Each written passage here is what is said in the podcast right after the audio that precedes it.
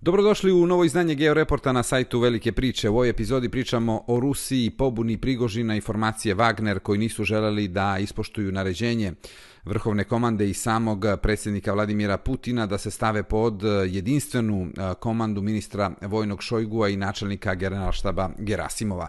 Krenimo od teorija o motivima pobune i njenim dometima. U Rusiji, od kada je sveta i veka, se mnogo više može saznati od onoga što se se ne dogodi nego od onoga što se zaista desi. U prevodu, ako Prigožin e, ostane živ, ako Šojgu i Gerasimov ostanu na svojim pozicijama ministra odbrane i načelnika generalštaba, ako Wagner nastavi business as usual u Africi i na Bliskom istoku, onda će to značiti da je sve viđeno prethodnog vikenda i prethodne nedelje bila samo velika predstava sa ciljevima koje ćemo postepeno sa vremenom otkrivati. E, Prigožin nije ni Katilina Sadona, ni Kornilov našeg doba, nije čak ni Pustolov kao što je bio Roman Ungern von Starnberg, zvani Crveni baron, nije čak ni e, Željko Ražnatović Arkan, ako bi trebalo da se približimo našim vremenima i našim meridijanima. Prigožin je jednostavno e, kriminalac koga je mulj Putinove Rusije izbacio na površinu. Pitanje je samo da li se on otrgnuo kontroli ili je sve vreme delovao i sada deluje u okviru sistema. E, brojne su teorije koje su isplivale na površinu u posljednjih e, par dana o motivima i dometima pobune jedinice Wagner. Od e, pokušaja klasičnog puča do Putinovog igraz, igrokaza u stilu Ivana Groznog s ciljem da vidi kako će se njegovi boljari ili ti oligarsi ponašati u situaciji kada se čini da se vlast neprikosnovenog vladara ljulja.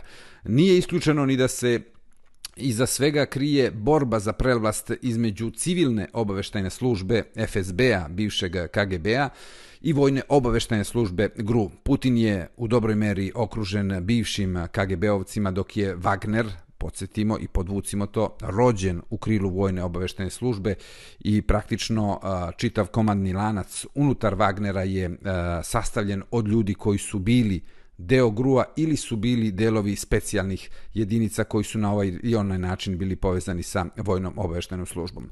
E, podsjetimo i da predsjednik Ruske federacije Vladimir Putin e, tokom e, svoje e, vladavine u prethodnih 23 godine je puno puta, a to je vreme pokazalo, iznosio e, neistine ili je čak negirao e, istinu na e, flagrantan način. Jedan od najpoznatijih primjera upravo kada govorimo o jedinici Wagner je konferencija sa novinare, sa bivšom nemačkom kancelarkom Angelom Merkel, kada je negirao eksplicitno bilo kakvu vezu Kremlja sa Wagnerom. To se dogodilo pre e, šest godina i to dovoljno govori o Putinu, tako da sve što kaže Putin treba uzeti sa rezervom, pogotovo kada pokušava nešto da demantuje.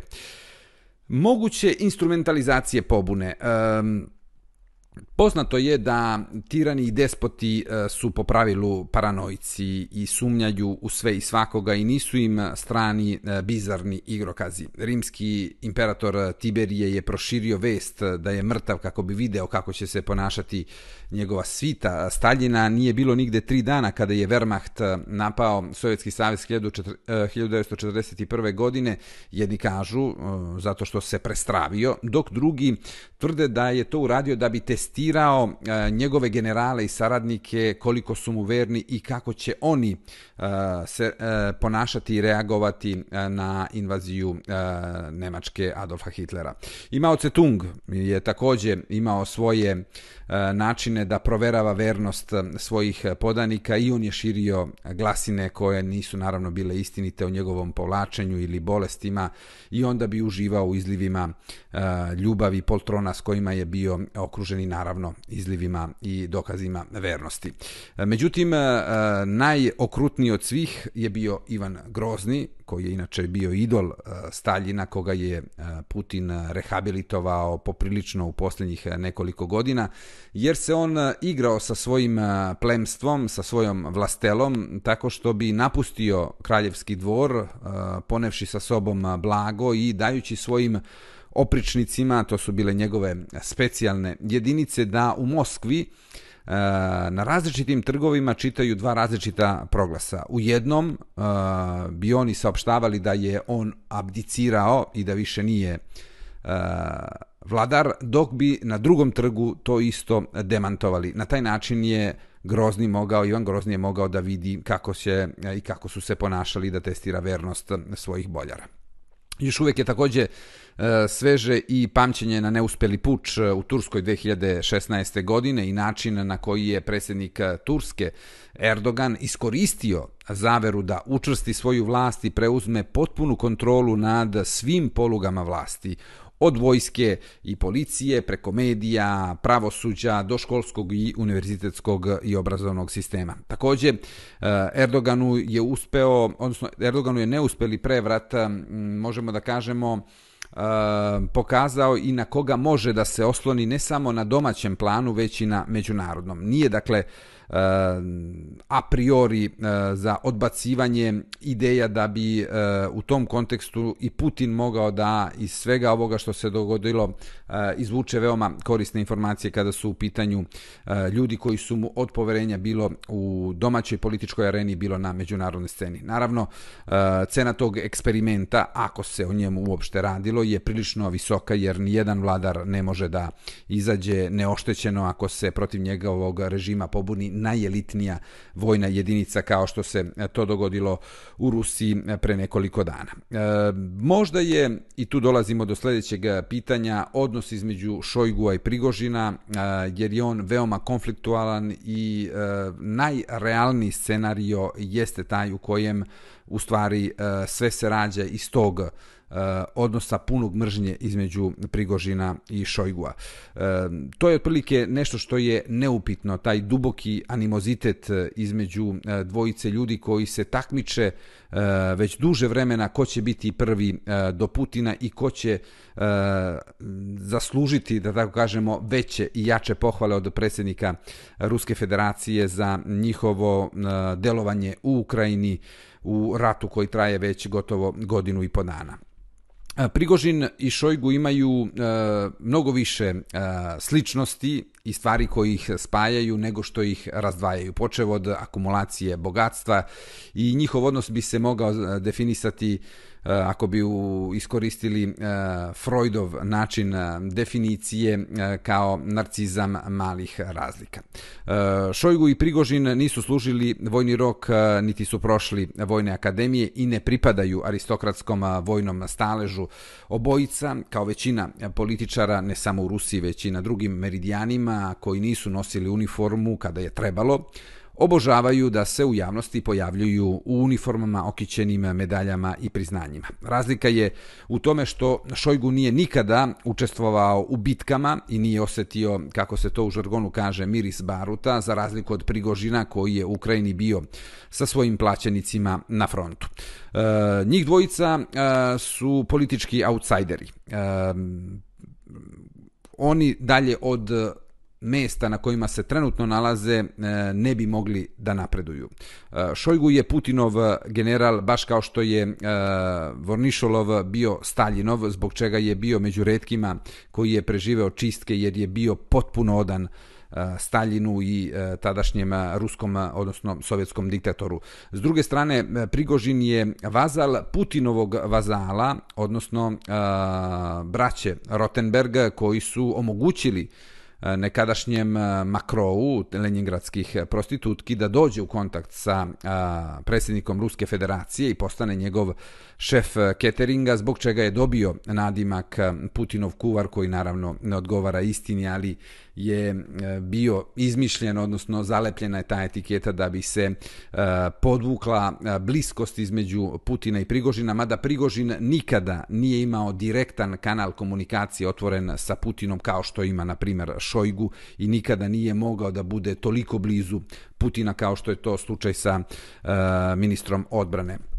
Šojgu je e, pripadnik e, tuvanske nacionalne manjine, mama mu je Ukrajinka i u imperialnoj Rusiji e, nacionalna pripadnost zaista nije prepreka da se pravi karijera, ali jeste nepremostiva da se stigne do vrha vlasti. I zbog toga je upravo Putin i izabrao Šojgu jer zna da on nikada ne može da dobije podršku niti da bude viđen kao ozbiljan kandidat za predsjednika Rusije. S druge strane, Prigožin nema jednostavno štofa da bude politički lider, jer jedno je vođenje kriminalnih ili polukriminalnih organizacija, a sasvim nešto drugo je biti na čelu jedne države.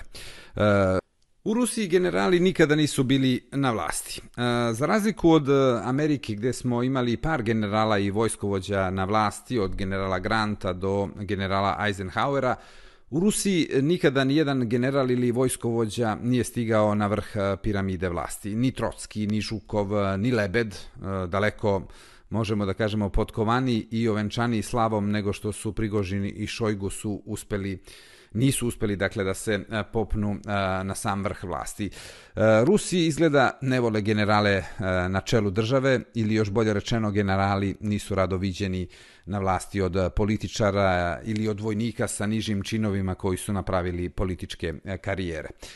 Kogod da je stolovao u Sankt Peterburgu ili Moskvi ili odnosno Leningradu i Sankt Peterburgu i, i Moskvi od 1917. godine Eh, i od Kerenskog eh, preko Staljina do Jeljcina i samog Putina je eh, sprečavao generale i vojskovođe da se približe vrhovnoj vlasti. Dovoljno je pogledati sudbinu Kornilova o kojem smo već nešto rekli, Trotskog, Žukova ili Lebeda. Ruski vladari jednostavno vole generale kao što je bio Klement Vorošilov, čiji je jedini kvalitet bio totalna odanost Staljinu, zahvaljujući kojoj je bio jedan od redkih koji je preživeo čistke i čak nadživeo Džugašvilija. E, vojna hunta, dakle, e, u Moskvi u režiji obskurnih e, jeli, nekakvih centara moći i u izvođenju Prigožina i Wagnerovca da je se zaista dogodila, predstavljala bi totalni presedan u ruskoj istoriji. Zato se Prigožinovo izostavljanje Putina sa liste krivaca za debakla u Ukrajini interpretira kao želja da se u Moskvi promeni sve sem predsjednika, odnosno da Putin bude E, odnosno Putin je trebalo da bude garant te nove vlasti u Ruskoj federaciji u kojoj ne bi bilo Šojgua i Gerasimova koje e, Prigožin ne može jednostavno da podnese. E, šta je nedostajalo Prigožinu i njegovim Wagnerovcima da bi njihova pobuna imala i konačan ishod kao uspeh u celoj toj operaciji?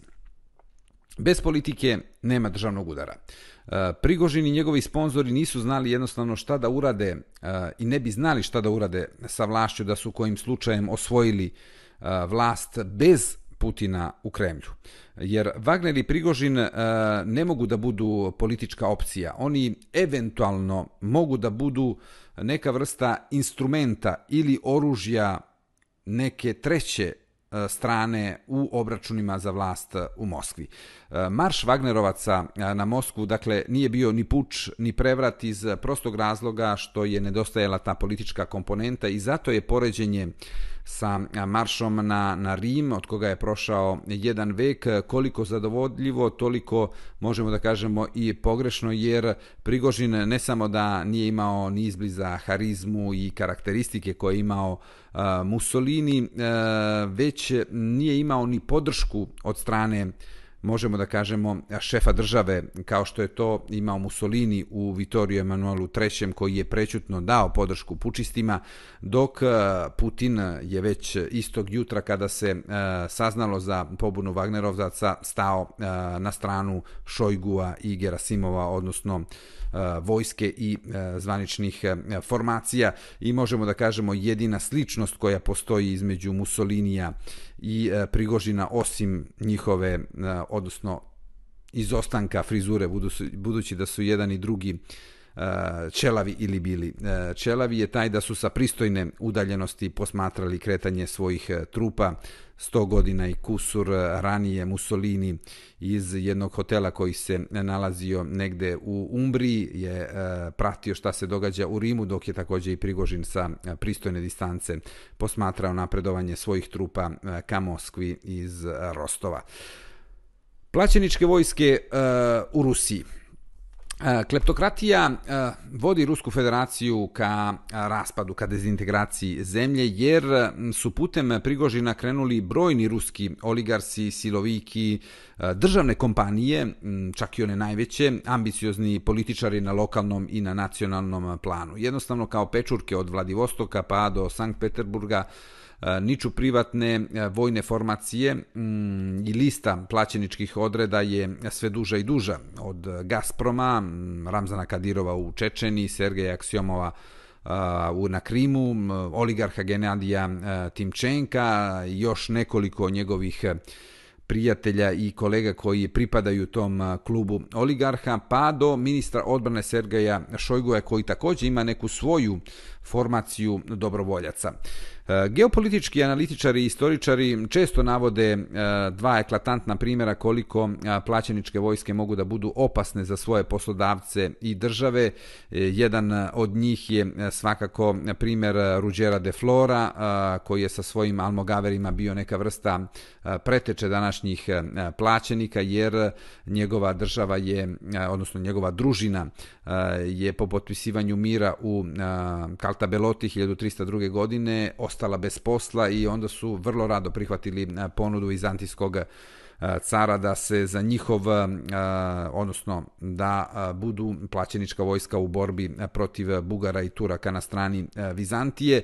Međutim, ta avantura se završila veoma loše po samog Deflora jer ga je jer u organizaciji sina od e, vizantijskog cara on je e, ubijen i tada upravo e, sveteći se za njegovu smrt, njegova družina, odnosno Almogaveri su zauzeli Atinu i tada je nastao izraz katalonska osveta jer su oni sproveli raciju o kojoj se i dan danas priča u Grčkoj. Drugi primjer za nepouzdanost plaćeničkih vojski je sama Italija, jer pre 500 godina upravo zahvaljujući plaćeničkim vojskama i lokalnim korumpiranim liderima Italija je rasapkana od strane evropskih familija i ostala je tako razjedinjena sve do druge polovine 19. veka.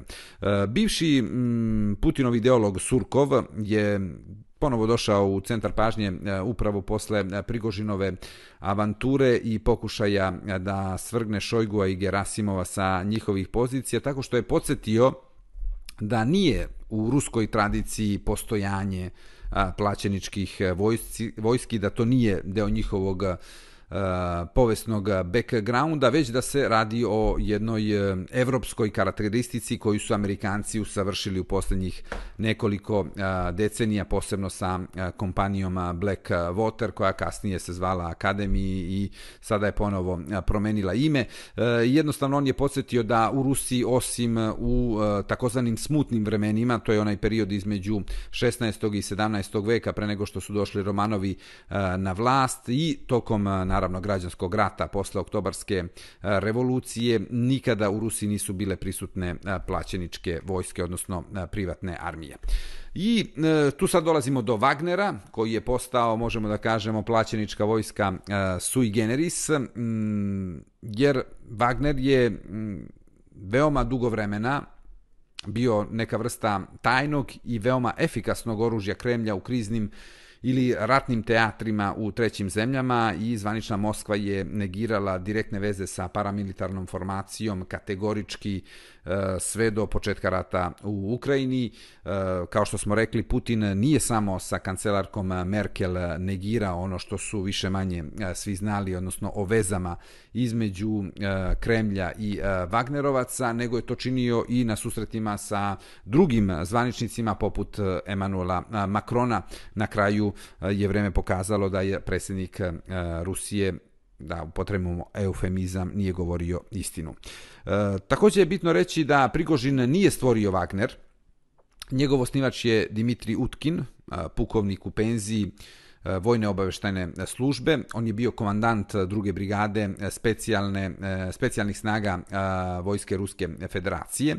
2013. godine po penzionisanju je ušao u takozvani slovenski korpus, to je bila jedna privatna vojska čiji je zadatak bio da štite strateška postrojenja u Siriji i kada je taj slovenski korpus raspušten, godinu dana kasnije Utkin je osnovao privatnu vojnu kompaniju Wagner e, samo možemo da kažemo formalno jer u suštini nju je formirala e, vojna obaveštajna služba, a Utkin je tu bio samo neko ko je pozajmio svoje ime i e, doprineo da ta kompanija dobije ime Wagner jer Utkin je neonacista i e, poznato je da mm, je on izabrao to ime jer je e, svima e, notorna je činjenica da je Hitler obožavao Wagnera i da je zbog toga Wagner i često je kao kompozitor bio e, i doživio neku vrstu ostrakizma jer je imao tog apsolutno nepopularnog obožavaoca mada sam Wagner nije kriv eh,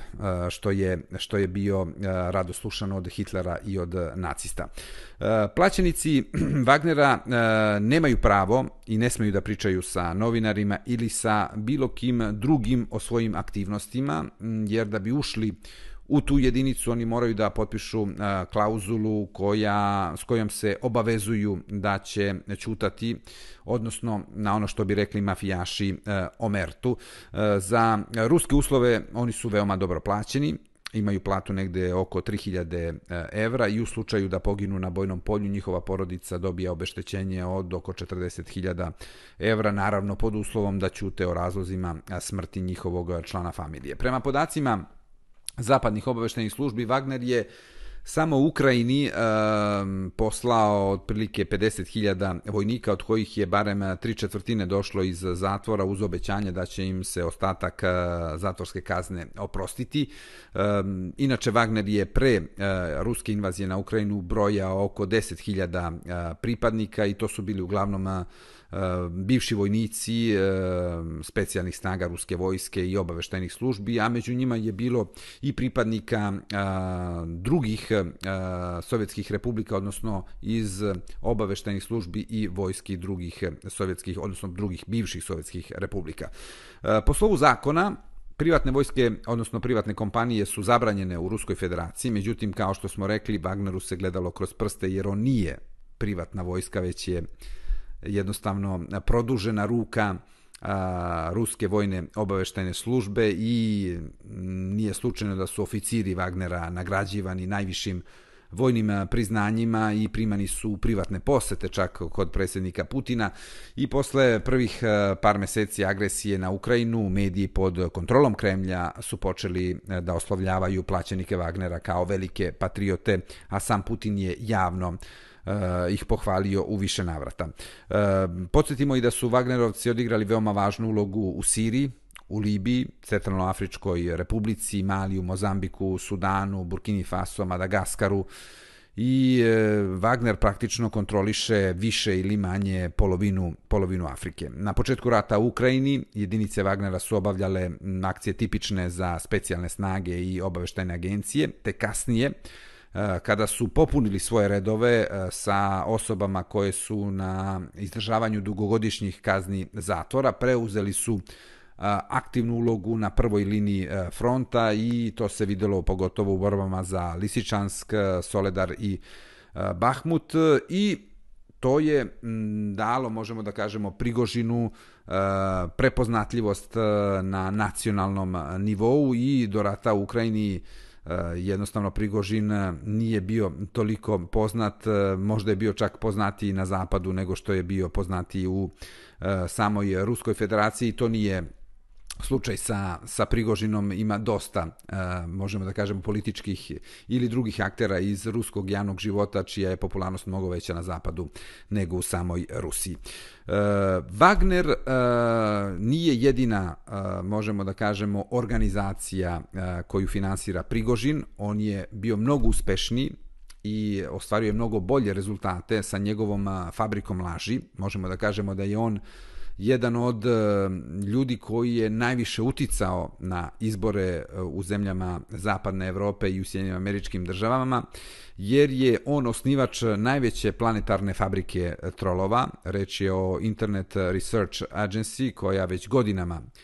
širi lažne vesti, unosi konfuziju, propagira teorije zavera i denigrira Evropsku uniju, Sjedinje američke države i NATO i e, evropske, evropske vrednosti ili evroatlantske vrednosti od e, referenduma e, za Brexit i američkih e, predsjedničkih izbora nema uh, izjašnjavanja građana u Europskoj uniji i Sjedinjenim američkim državama na koje ruski trolovi e, nisu pokušali da utiču na ovaj ili onaj način. Prigožin uh, stoji iza uh, Fonda za odbranu nacionalnih vrednosti koji je veoma aktivan u Africi i njegov rad se bazira na širenju te antizapadne propagande i na širenju narativa o toj kolonijalnoj prošlosti Evrope i da je ona odgovorna za sve nedaće i nevolje e, afričkog kontinenta.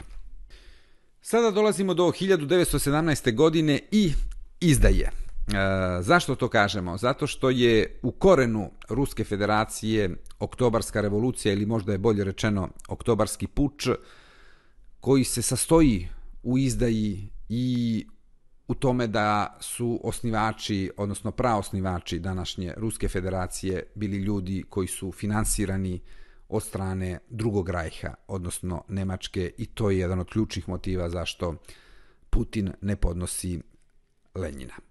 E, Putin, kao i sve e, autokrate, koristi istoriju kao švedski sto i često zloupotrebljava naravučenije i naučene lekcije. E, u prethodnom periodu Putin se često poredio sa Petrom Velikim, sa Katarinom Velikom, aludirao je često i na Staljinovu pobedu u Velikom otačbinskom ratu. Drugim rečima, on je želeo da sebe predstavi kao nekoga ko stoji rame uz rame sa najvećim pobednicima u e, istoriji e, Rusije.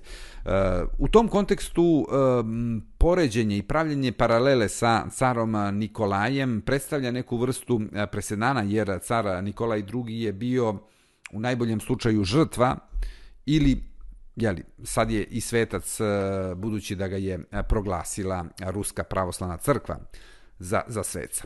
E, međutim, više od cara Nikolaja Putinu je u glavi imao m, tu njegovu m, crtu koja je veoma izražena kada je u pitanju uloga Lenjina i on ne može da mu oprosti što je bio uslovno rečeno nemački korisni idiot i što je žrtvovao trećinu teritorije carske Rusije na evropskom delu kontinenta da bi potpisao mirovni sporazum sa Berlinom i Bečom u Brestu u Bjelorusiji koji nikada nije stupio na snagu jer nekoliko meseci kasnije, odnosno godinu dana kasnije, Nemačka i Austrija su izgubile prvi svjetski rat i on nikada nije stupio na snagu što je na neki način spaslo Sovjetski savez, odnosno Bolševike.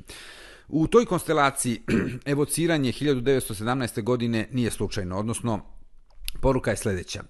Ko ruši Putina je izdajnik, korisni idiot u rukama ruskih neprijatelja, čiji je cilj da a, raskomadaju Rusku federaciju. Oktobarska revolucija 1917. godine nije dakle bila revolucija naroda koja je bolševike dovela na vlast. Reč je o čistom istorijskom falsifikatu napravljenom u političko-propagandne svrhe. Nije bilo nikakve pobune naroda ani štrajkova. Bolševici su bukvalno izveli ono što bismo danas nazvali pučem ili prevratom u vrhu vlasti. E, autentične e, revolucije su bile one iz 1905. godine ili revolucija iz februara 1917. godine, ali ne i oktobarska, jer su prve dve e, uključivale zaista široke narodne mase i proteste, dok je bolševička bila mnogo više puč nego što je bila revolucija. E, bolševici su praktično bez kapi krvi osvojili vlast tako što su okupirali ministarstva u Sankt Peterburgu, a u Zimski dvorac je, zamislite, ušlo 26 bolševika i osvojile ga jer tamo nije bilo nikoga ko bi branio Zimski dvorac. Što bi rekao Dostojevski, vlast se kotrljala ulicama e, glavnog grada tadašnje carske Rusije i Lenin je bio samo dovoljno hrabar da se sagne i da je uzme. Naravno, u tome mu je pomogao prethodno general Kornilov sa svojim pučem, jer je on primorao Kerenskog, tadašnjeg ruskog premijera, da pozove u vlast bolševike misleći da su oni izrazita manjina, jer na izborima koji su bili održani samo nekoliko meseci ranije, bolševici su veoma loše prošli, međutim on je pocenio ulogu i e, mogućnost e, propagande i kapacitete propagande bolševika, pogotovo u Mornarici i u vojsci e, carske, odnosno tada Rusije, i e, jednostavno je tu napravio grešku koja ga je posle i koštala gubitka vlasti i progona i e, proterivanja iz Rusije, a omogućila bolševicima da stignu na vlast. Te kasnije, e, kada Rusi e, saznaju tako što je iz Sankt Peterburga poslat telegram u sve e, gradove i u sva sela e, Rusije da je došlo do promene vlasti, tek tada počinje e, građanski rat, jer prevrat je se dogodio, kako bismo to danas rekli, kao što smo već napomenuli, u palati, ne na ulicama, ne eh, zahvaljujući velikim protestima i štrajkovima. Imamo eh, nekoliko scenarija o raspadu Rusije. Međutim, nijedan od njih nije, kako da kažemo, mm, izvodljiv u nekom kratkom vremenskom periodu, mada ne treba da zaboravimo, kada smo već govorili o Lenjinu, da kao što je on imao jednu od svojih rečenica koje su ušle u istorijske čitanke, da nekada prođu uh, vekovi, a ne dogodi se ništa, a nekada se u jednoj nedelji dogode vekovi. U kabinetu ukrajinskog šefa vojne obaveštene službe Kirila uh, Bodunova stoji mapa Ruske federacije podeljena na nekoliko delova. Na njoj je Ukrajina sa proširenom teritorijom do desne obale Dona, Kaliningrad je vraćen u sastav Nemačke i ponovo se zove Kenningsberg. Eh, Karelija i Murmansk su delovi Finske, Severni Kavkaz je ujedinjen sa zapadnom obalom Kaspijskog mora u novonastalu republiku Ičkeriju, a Nova Ruska federacija je uklještena, možemo da kažemo, na preostalom eh, evropskom delu Rusije do Urala. Između Urala i eh, istočnog Sibira je nova država, u toj, e, možemo da kažemo, teorijskoj e, pretpostavci e, ona bi bila prozapadno nastrojena, a prostor od Krasnojarska do Primorske oblasti je deo proširene Kine. Kurilska ostrva između Hokaida i Kamčatke e, bi se ponovo pripojila Japanu. E, nije samo e, Bodunov harizmatična i e, najcenjenija figura u ukrajinskoj nomenklaturi obsednuti idejom o dizintegraciji Rusije. Poljska i pribaltičke republike su uz asistenciju skandinavskih država i pojedinih struktura u Vašingtonu organizovali čitavu galaksiju predstavnika država i možemo da kažemo, nacionalnih manjina u Ruskoj federaciji i ruskih disidenata u egziru s ciljem da pripreme teren za buduću dezintegraciju Ruske federacije. Oni su okupljeni u organizaciji koja se zove Forum slobodnih naroda i oni su praktično barjektari rasparčavanja Ruske imperije ili kako je oni definišu dekolonizacije Ruske federacije.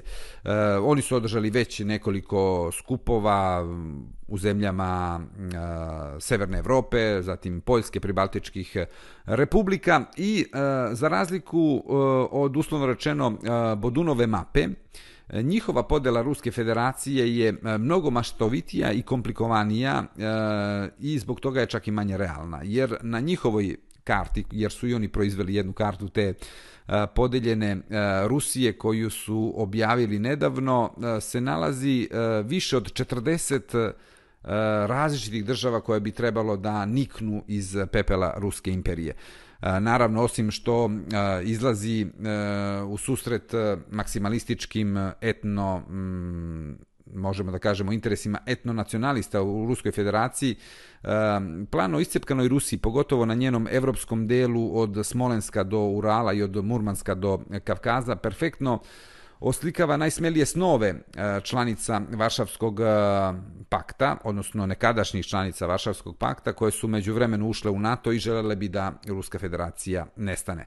E, dobar deo poljskih, pribaltičkih, skandinavskih političara i analitičara, kao i određeni deo njihovih kolega u Sjednjim američkim državama i Velikoj Britaniji je uveren da je svaka Rusija pretnja za bezbednost Evrope i da zato mora da bude dezintegrisana i rasparčana u nekoliko desetina malih država a, koje nisu dakle u poziciji niti su kadre da predstavljaju opasnost za ostatak Evrope.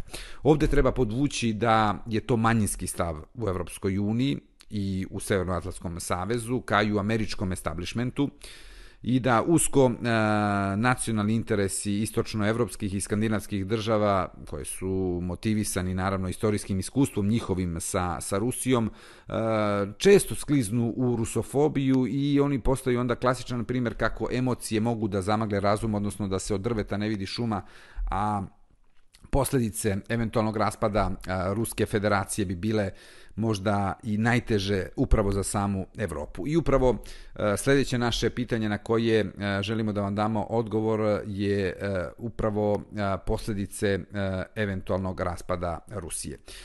Tri velika državnika, američke, američki predsjednik Theodore Roosevelt, njegov imenjak Franklin, britanski premijer Winston Churchill su imali sposobnost dakle da gledaju daleko i da vide mnogo dalje. Eh, Roosevelt je dobio Nobelovu nagradu za eh, Portsmouthski mir s kojim je okočan rat eh, između Rusije i Japana, jer je shvatio da bi za Sjedinje američke države Japan postao velika opasnost ako bi zauzeo Sibir, što je bio krajnji cilj Tokija u rusko-japanskom ratu. I nije teško zamisliti mm, šta bi Japan postao sa prirodnim bogatstvima Sibira i kako bi se završio drugi svjetski rat u kome je zemlja izlazećeg sunca bila saveznik nacističke Nemačke i fašističke Italije i koliko je Theodor Roosevelt bio zaista dalekovid kada se borio za očuvanje ruskog teritorijalnog integriteta i kada je isposlovao portunskim mirom da Rusija zadrži Sibir pod svojom kontrolom. Drugi Roosevelt, Franklin, nije dobio Nobelovu nagradu kao Teodor, ali je dobio rat zahvaljujući pragmatičnoj politici prema Sovjetskom savezu i Staljinu i to na nagovor Čečila koji je jeli, Rusku federaciju definisao kao zagonetku uvijenu u misteriju unutar enigme. Raspad eh, Ruske federacije bi Evropu i Sjedinje američke države suočio sa dva zla, eh, koja su mnogo veća nego što je Rusija čak i sa Vladimirom Putinom. Eh, prvi bi se ogledao u bezbednostnom alarmu, pošto bi 6000 nuklearnih raketa ostalo mm, i ostalo na užanje za masovno uništenje, završilo u rukama lokalnih gospodara u čije dobre namere ne može niko razuman da se, da se uzda. Takođe, za razliku od raspada Sovjetskog saveza koje je prošlo bez građanskih ratova, osim par izuzetaka poput Prednjestrovlja i Nagorno Karabaha, Raspad Ruske federacije bi gotovo izvesno doveo do eksplozije sukoba na Kavkazu i u delovima središnjeg i južnog toka Bolke. E, druga dugoročno i verovatno mnogo veća pretnja po Evropu, ne samo njenu stabilnost, već i njen opstanak, ovakve naravno kakvu je e, poznajemo, bilo bi izbijanje Kine na njene istočne granice i uzdizanje Turske u rang interkontinentalne sile. E, San Ankare i njenog neustoličenog sultana Erdogana je da poveže prostor i turkijske narode od Bosfora preko Kavkaza, naravno i Kaspijskog mora, do azijskih stepa i Sinkjanga u Kini.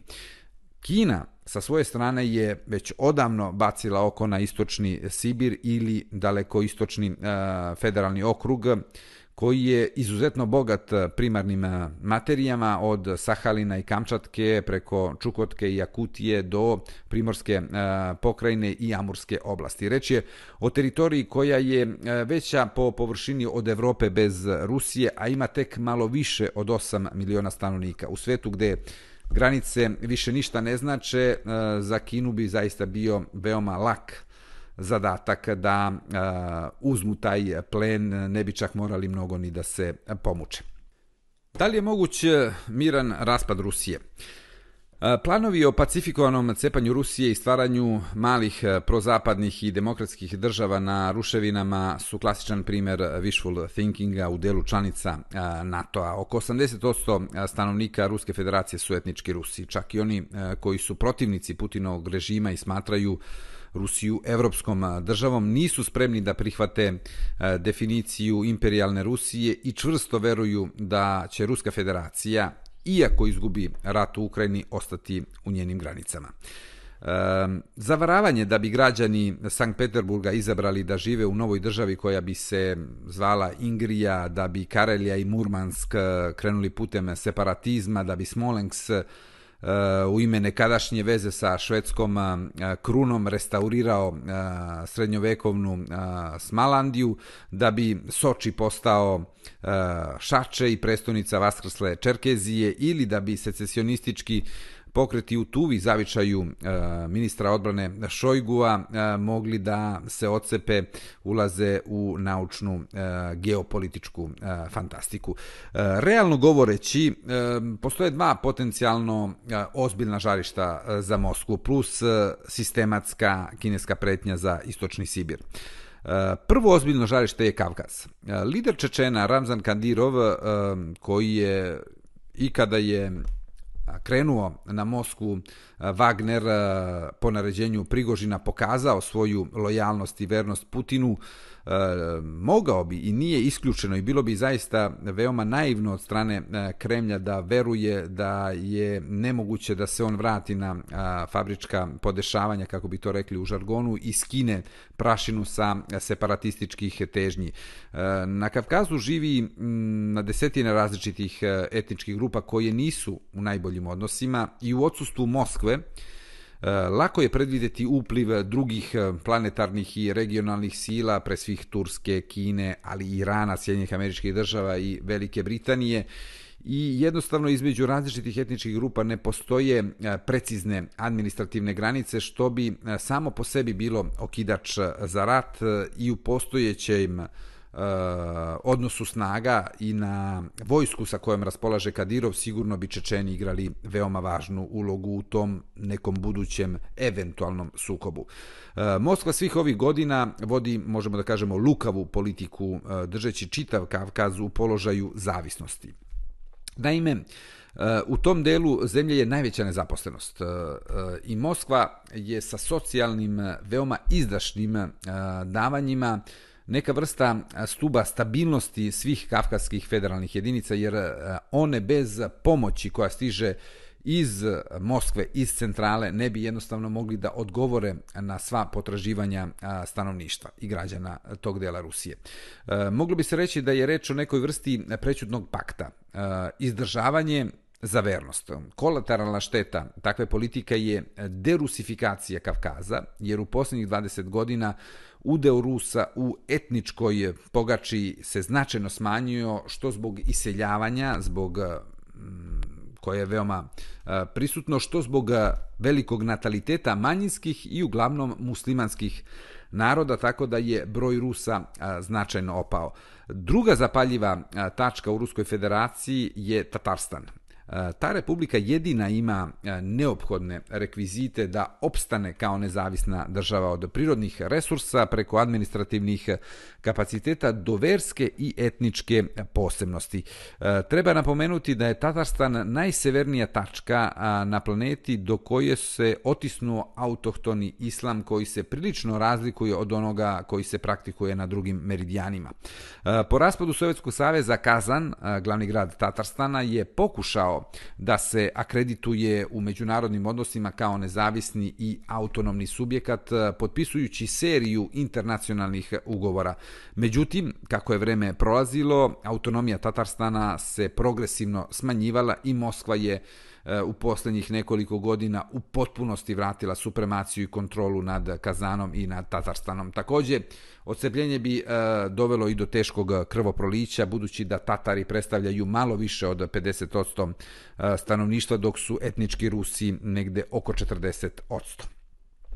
I na kraju, kakva budućnost očekuje Rusku federaciju? E, Rusi ne trpe vođe gubitnike. E, vrlo je malo e, revolucija i prevrata bilo u ruskoj istoriji i sve one su bile uvek po pravilu proizvod e, poraza na bojnom polju od rusko-japanskog rata o kojem smo govorili ili poraz porazu u velikom ratu ili nesrećne avanture u Afganistanu. Putin je ismejavao godinama Ukrajinu a sada je jedini način da sačuva vlast eh, taj da izađe kao pobednik eh, iz rata sa Ukrajinom.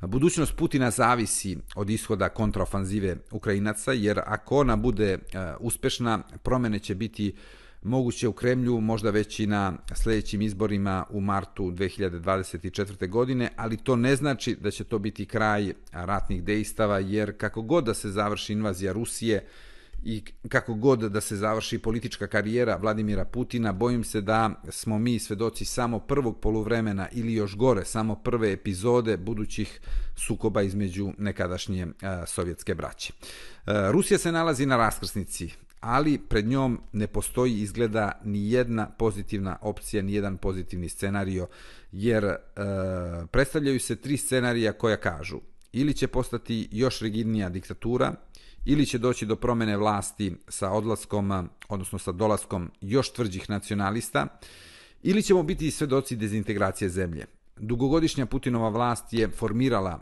dva bloka koja, se, koja su ostala u koliko toliko pacifikovanom odnosu samo zahvaljujući njemu i govorimo o vojno-obaveštenoj službi GRU e, i o FSB-u, odnosno bivšem KGB-u. Oko Putina je formiran gotovo magični krug FSB-ovaca, uglavnom njegovih ljudi od poverenja i nije slučajno da u Rusiji se smatra kao najunosniji posao telohranitelje predsjednika ili e, deo njegovog ličnog obezbeđenja. Aleksej Djumin, bivši šef obezbeđenja, danas je guverner Tule, zamenik ministra odbrane i e, jedan od najmoćnijih ljudi u Ruskoj federaciji, a sve to je uspeo da napravi zahvaljujući upravo tom periodu od 1999. godine do 2007. godine kada je bio šef obezbeđenja Vladimira Putina. E, Djuminova komparativna prednost u odnosu na ostale je što je on u proteklom periodu uspeo da i pored svog backgrounda KGB-ovskog, odnosno FSB-ovskog, izgradi poprilično dobre odnose sa ljudima iz vojno-obaveštajne službe. E, E, Prigožin je dakle zaustavljen, ali su otvorene pukotine u Putinovoj strukturi vlasti iako ih on ne bude brzo i efikasno zatvorio, izbori u martu, kao što smo rekli sljedeće godine, bi mogli da budu